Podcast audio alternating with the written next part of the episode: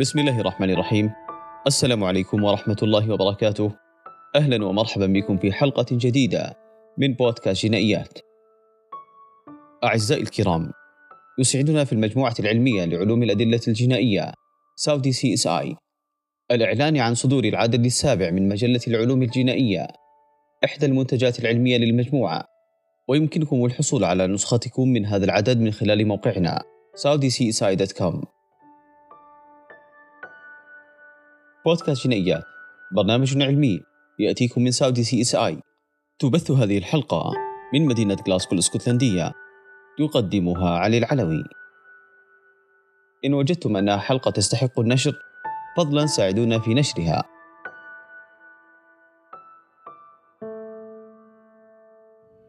مستمعينا الكرام أصبح سماع حدوث وفيات بسبب الاختناق بغاز أول أكسيد الكربون. خبرا مألوفا خصوصا في فصل الشتاء. ومن هذه الحوادث حادثة الوفاة لخادمتين آسيويتين. توفيتا اختناقا بغاز أول أكسيد الكربون داخل غرفتيهما في مبنى سكني. وكان السبب في ذلك استخدامهما لموقد فحم لأجل التدفئة. ومن الحوادث كذلك حادثة اختناق وافدا كان مشهودا له بالمحافظة على الصلاة جماعة مع المصلين في المسجد. وبعد افتقاده من قبل المصلين تم إبلاغ السلطات الأمنية بذلك والذي وجدوه متوفيا في مسكنه إثر استنشاقه لغاز أول أكسيد الكربون الناتج من استخدام الفحم للتدفئة جميع الحوادث الحزينة السابقة والمتشابهة فقد فيها أشخاص كثيرون بسبب عدم الانتباه للمخاطر الناتجة عن استخدام الفحم وغيره. قاتل يقتل بصمت. في هذه الحلقة سنتحدث عن حالات التسمم بغاز أول أكسيد الكربون، ولكن من منظور جنائي. وكيف يعتبر هذا الغاز مؤشرا للقتل في عدد من القضايا التي سنسردها لكم في هذه الحلقة بإذن الله. قاتل يقتل بصمت.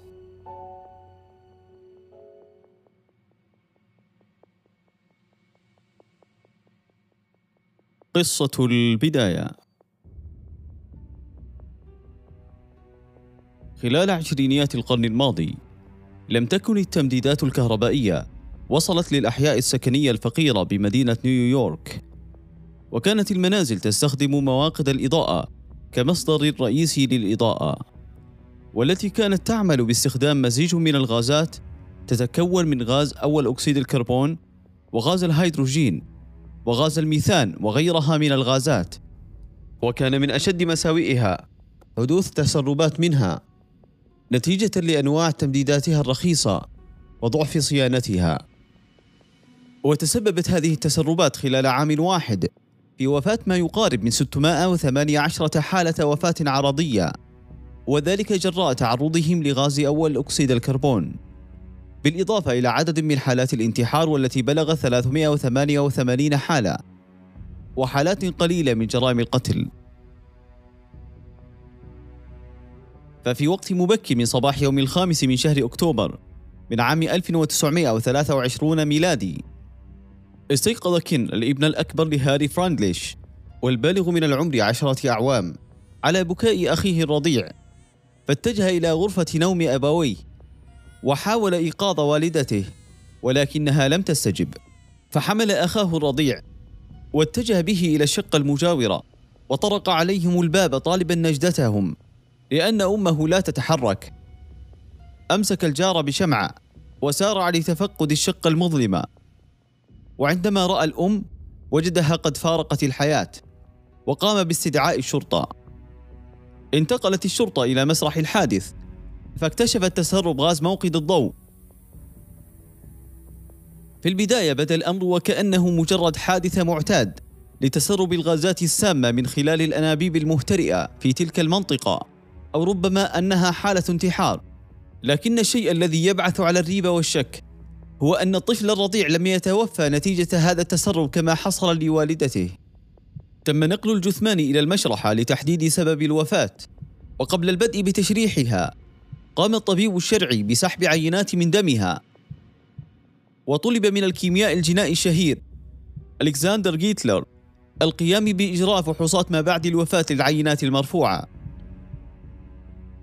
بعد ذلك بدأ الطبيب الشرعي بمعاينة الجثمان والبحث عن العلامات الظاهرية المرتبطة بحالات التسمم بغاز أول أكسيد الكربون ومن أبرزها تورد جلد المتوفى. وخلال الفحص الظاهري كانت الضحية شاحبة اللون وهذه العلامة تشكك في احتمالية التسمم بغاز أول أكسيد الكربون.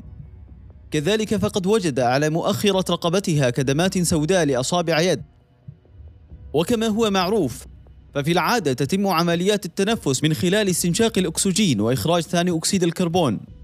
ولكن إذا تعرض الشخص للاختناق فإن الجسم لا يستطيع أن يتخلص من ثاني أكسيد الكربون مما يؤدي إلى عودته مرة أخرى إلى مجرى الدم.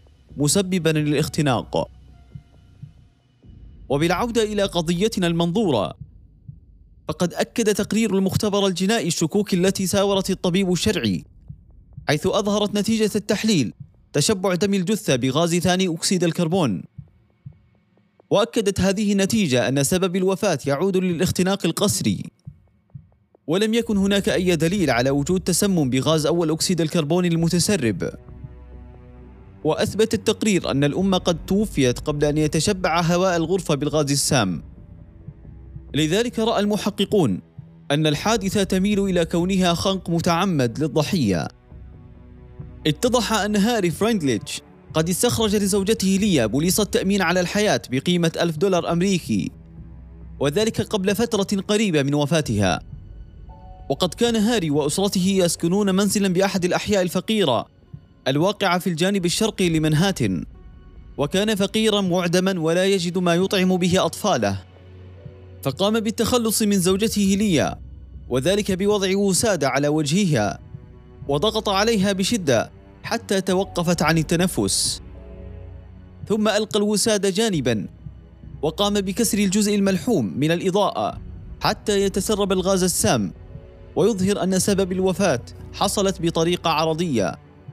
وعندما سمع صوت الغاز غادر الغرفة على عجل وأغلق الباب خلفه. تاركا زوجته المتوفاة وأطفاله الأربعة في المنزل. إلى أن سقطت الوسادة المستخدمة لقتل الأم على طفلها الرضيع واستيقظ باكيا. وكادت حيلته هذه أن تنطلي على الشرطة دون أن تكشف. وبالتالي تظهر هذه القضية وكأنها تسمم عرضي بغاز أول أكسيد الكربون. ولكن الحدس العالي لكل من الطبيب الشرعي والكيميائي الجنائي ساهم في كشف غموض هذه القضية وتم القبض على هاري فرانجليتش ومواجهته بالتهمة المنسوبة إليه واتهامه بقتل زوجته وحكم عليه بالسجن المؤبد. تظهر هذه القضية التاريخية الدور المثالي والبارز لما تقوم به المختبرات العلمية في التحقيقات الجنائية ولو قسنا ذلك بحجم المعرفة العلمية المتوفرة خلال عشرينيات القرن الماضي لبدا واضحا لنا حجم هذا الإنجاز والبراعة العالية التي أظهرها هؤلاء الخبراء ساهم كشف ملابسات جريمة قتل ليا في إقناع الشرطة والجهات القضائية غير المتيقنة بضرورة وأهمية دور العلم والمعرفة في تحقيق العدالة للقضايا الجنائية والقبض على المجرمين.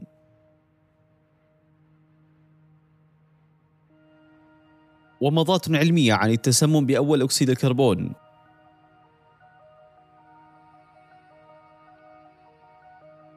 عرف الإنسان غاز أول أكسيد الكربون قديما. فقد وصفه الكيميائي الإسباني أرنولد من فيلانوفا في أواخر القرن الثالث عشر بأنه غاز سام ينتج بسبب الاحتراق غير الكامل للخشب. ينسب اكتشافه والتفريق بينه وبين غاز ثاني أكسيد الكربون. إلى الكيميائي الإنجليزي جوزيف بريستلي وذلك في القرن الثامن عشر الميلادي. وأهم خصائص هذا الغاز أنه عديم اللون والطعم والرائحة كما ذكرنا في بداية الحلقة. ففي العادة ترتبط مصادر التسمم بغاز أول أكسيد الكربون بكل من مواقد الفحم والحطب ونواتج الاحتراق في مسارح الحرائق.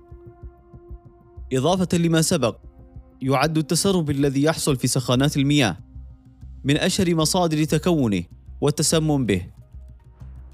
كذلك عوادم السيارات ودخان السجائر ومناجم الفحم. وينتج مما سبق حصول حالات كثيرة ما يسمى بحالات التسمم العرضي. كما يمكن استخدام هذه الغازات في حالات الانتحار. ونادرا ما يتم استخدام غاز أول أكسيد الكربون في حالات القتل. بشكل عام فعند إيقاد الفحم يمكن أن يتكون مركبين حسب توفر تهوية في المكان الذي تم إيقاد الفحم فيه. لذا عند إيقاد الفحم في الأماكن جيدة التهوية ترتبط ذرة كربون الفحم المشتعل مع ذرتين أكسجين فينتج لنا غاز ثاني أكسيد الكربون. أما في حين إشعال الفحم في الأماكن المغلقة وسيئة التهوية ترتبط ذرة كربون الناتجة من احتراق الفحم مع ذرة أكسجين. وينتج من ذلك تكون غاز أول أكسيد الكربون السام والقاتل. آلية التسمم بغاز أول أكسيد الكربون. أوضحت عدد من الدراسات العلمية أن نسبة وجود غاز أول أكسيد الكربون في جسم الإنسان في الظروف الطبيعية تصل إلى 1% لكن عند حدوث احتراق غير متكامل وتواجد غاز أول أكسيد الكربون فإن غاز أول أكسيد الكربون يرتبط مع هيموغلوبين الدم بشكل أسرع من الأكسجين بحوالي 200 مرة مكونا ما يعرف ب carboxyhemoglobin وذلك بسبب سهولة امتصاصه في الرئة مقارنة بالأكسجين. ونتيجة لذلك فإن هذا المركب المتكون يؤدي إلى إعاقة عمل الهيموغلوبين ويحد من عملية وصول الأكسجين إلى خلايا الجسم وأنسجته. كما أظهرت دراسات أخرى أنه بوصول نسبة 15% من carboxyhemoglobin في الدم فسوف ينتج عن ذلك صداع في غضون 20 دقيقة. أما إذا كانت نسبة carboxyhemoglobin ما بين 30 إلى 40% فسيصاب الشخص بفقدان الوعي. بينما إذا وصلت نسبته إلى 50% فإن هذه النسبة تعتبر قاتلة. يمكن استخدام عدة طرق لتقدير تراكيز غاز أول أكسيد الكربون في الدم مثل تقنية spectrophotometry مع ضرورة مراعاة الإجراءات التحليلية وذلك لضمان عدم تبخر الغازات في عينة الاختبار. كذلك يمكن استخدام تقنية headspace GC-MS لتقدير تراكيز هذا الغاز في العينات الجنائية.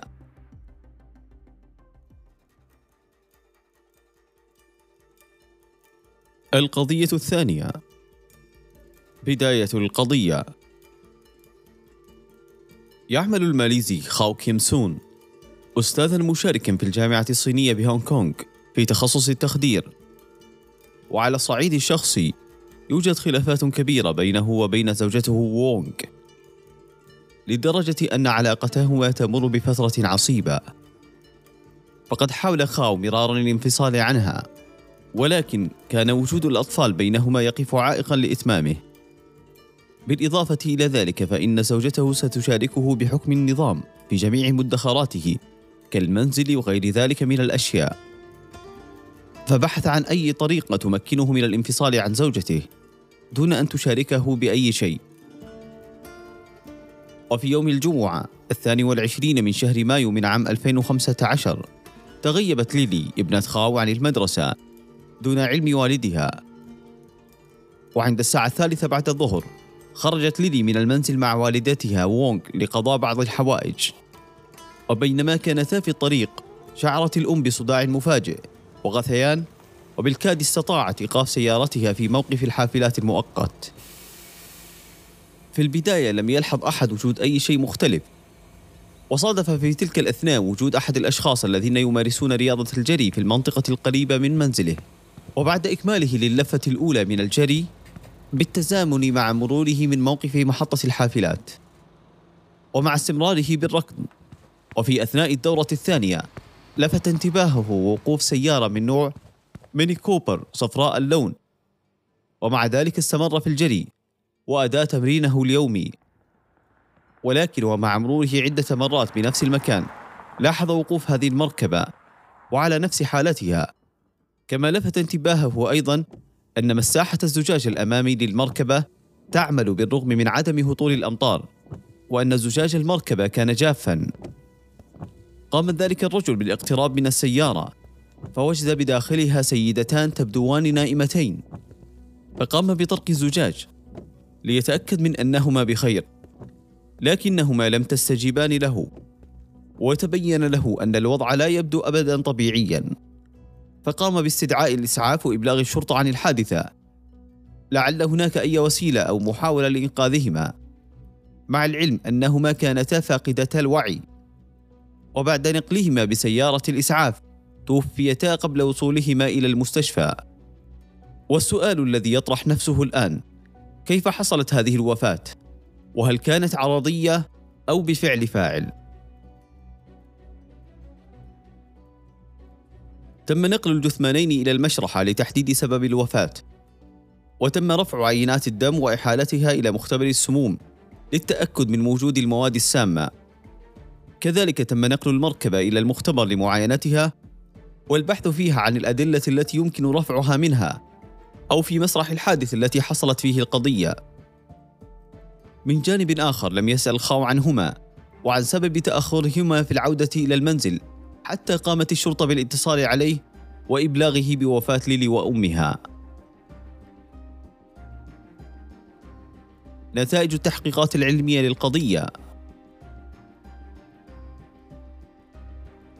كشفت نتائج التحقيقات وجود نسبة قاتلة تبلغ 50% من أول أكسيد الكربون في عينة دم الأم بينما بلغت النسبة في عينة دم ليلي 41% وكما أسلفنا منذ قليل فإن هذه النسبة تقع ضمن معدل الجرعات القاتلة المسببة للوفاة. وتفسر هذه النسبة المرتفعة كيف توقفت وونغ على جانب الطريق بعد شعورها بالصداع والدوران. لكن التساؤل الأهم الذي يبرز الآن لدى المحققين ما هو مصدر هذا الغاز القاتل؟ قام الخبراء بفحص المركبة في محاولة للكشف عن مصدر غاز أول أكسيد الكربون. للبحث عن أي عيوب مصنعية في السيارة قد تسبب بتسرب الغاز داخل المركبة. ومع ذلك لم يتمكن الخبراء من اكتشاف وجود أي خلل نتج عنه تسرب للغاز. وكانت نقطة التحول في هذه القضية حينما لفت انتباه أحد خبراء الأدلة الجنائية وجود كرة يوغا فارغة في الجزء الخلفي من المركبة.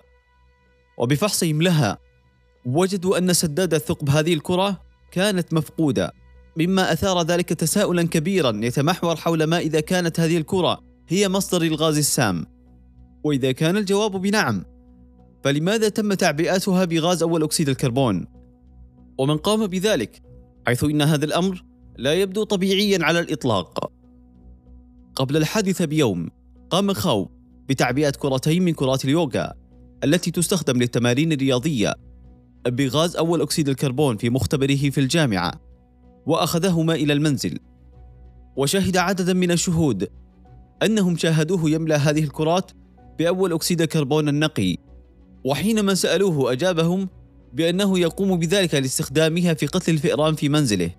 بينما كان ذلك ادعاء منه ولم تكن تسبب القوارض مشكلة في منزله كما ذكرت ذلك مديرة المنزل.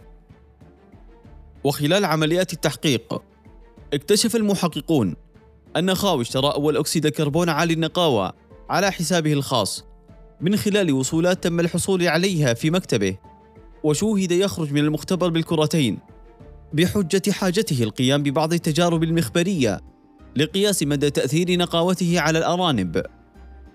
وبالرغم من نفيه القيام بوضع الكرات في سيارة زوجته وادعائه أن ابنته ليلي ربما أرادت الانتحار بسبب الضغوط رغم أنها لم تشتكي من أي ضغوط نفسية. قد تكون مؤثرة على الصحة العقلية. وفي سبتمبر من عام 2018 حكم على الماليزي خاو كيم سون بأقصى عقوبة ألا وهي السجن المؤبد مدى الحياة وذلك لقتله زوجته وونغ ذات السبع وأربعين عاما عمدا ولقتله ابنته ليلي ذات الستة عشر ربيعا بطريق الخطأ. وذلك باستخدامه غاز أول أكسيد الكربون. لم يتصور خاو إمكانية اكتشاف حيلته والتي خطط لتنفيذها بطريقة مخادعة لإبعاد أصابع الاتهام عنه ويتخلص من زوجته دون أن تشاركه أي شيء من مدخراته. وقال القاضي الذي حكم عليه إنه لأمر مروع أن يستحضر رجل مثقف وناجح مثل هذه الطريقة المحسوبة بدقة للتخلص من زوجته. قاتل يقتل بصمت.